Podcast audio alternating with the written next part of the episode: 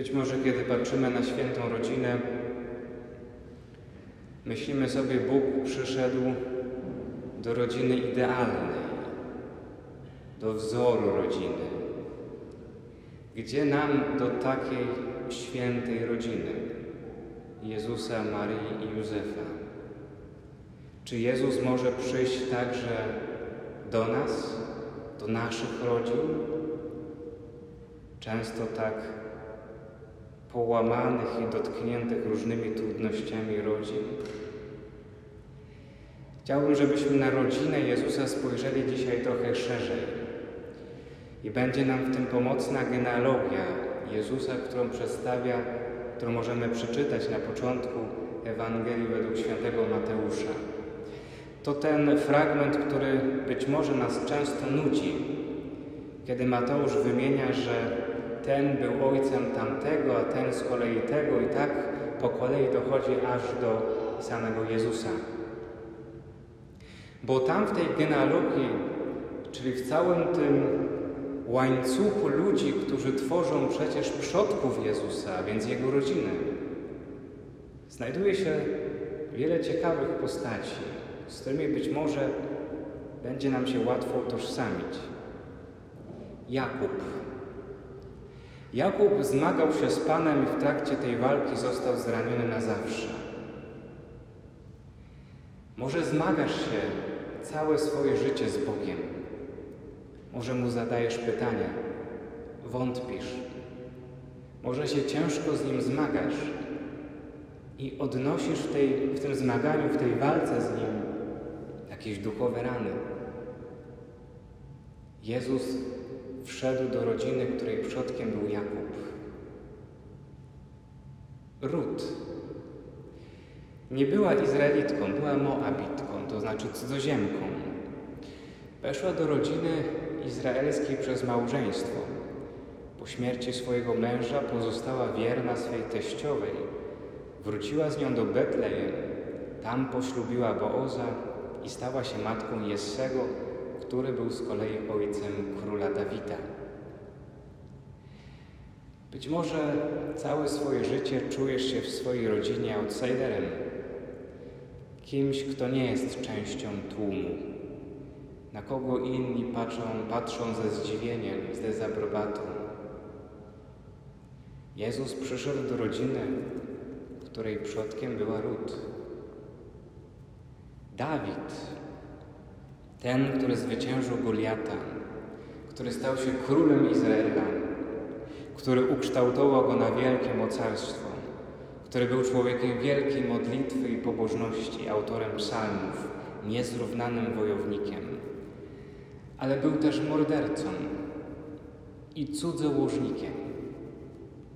Podstępem uwiódł Batrzebę, wystawiając na śmierć jej męża.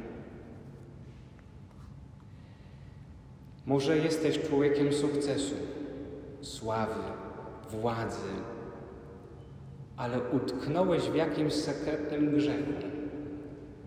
A może nadużyłeś władzy, by kogoś wyeliminować, kogoś, kto ci zagrażał. A może kogoś poniżyłeś, komu czegoś zazdrościłeś, a może zrobiłeś coś jeszcze gorszego. Jezus wszedł w rodzinę, której przodkiem był Dawid. Rahab, prostytutka, która mieszkała i pracowała w Wierchu w czasach, gdy Izraelici podbijali ziemię obiecaną. Gdy Jozue wysłał szpiegów do miasta, ona ich ukryła i ochraniała. I gdy całe miasto ginęło, ona i jej rodzina ocalały. Być może jesteś przez całe życie pogrążony w jakimś grzechu i nie możesz sam siebie już rozpoznać. Jezus przyszedł do rodziny, której przodkiem była Rahab. Są tam też takie postacie jak Abiud, Sadok, Azor. Właściwie to nie wiemy, kim byli. Właściwie ich dokonania utonęły gdzieś we mgle historii. Być może o Tobie też niewiele się mówi, nie omawia Twoich osiągnięć, pozostają one nieznane. Może czujesz się w swojej rodzinie nikim.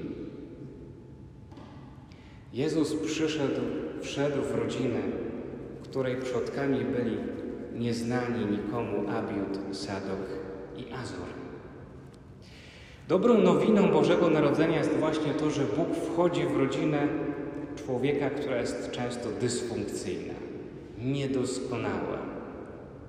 I przyłącza się do nas nadal, chociaż my, tak jak wielu w Izraelu, jego przodków, nie jesteśmy Jego warci. Podobnie jak oni jesteśmy pełni skaz, wad, błędów, może nawet skompromitowani. Ale tak czy siak, On, wchodząc w rodzinę ludzką, staje się naszym bratem. I daje nam wzór życia rodzinnego w swojej rodzinie, rodzinie Jezusa, Maryi i Józefa.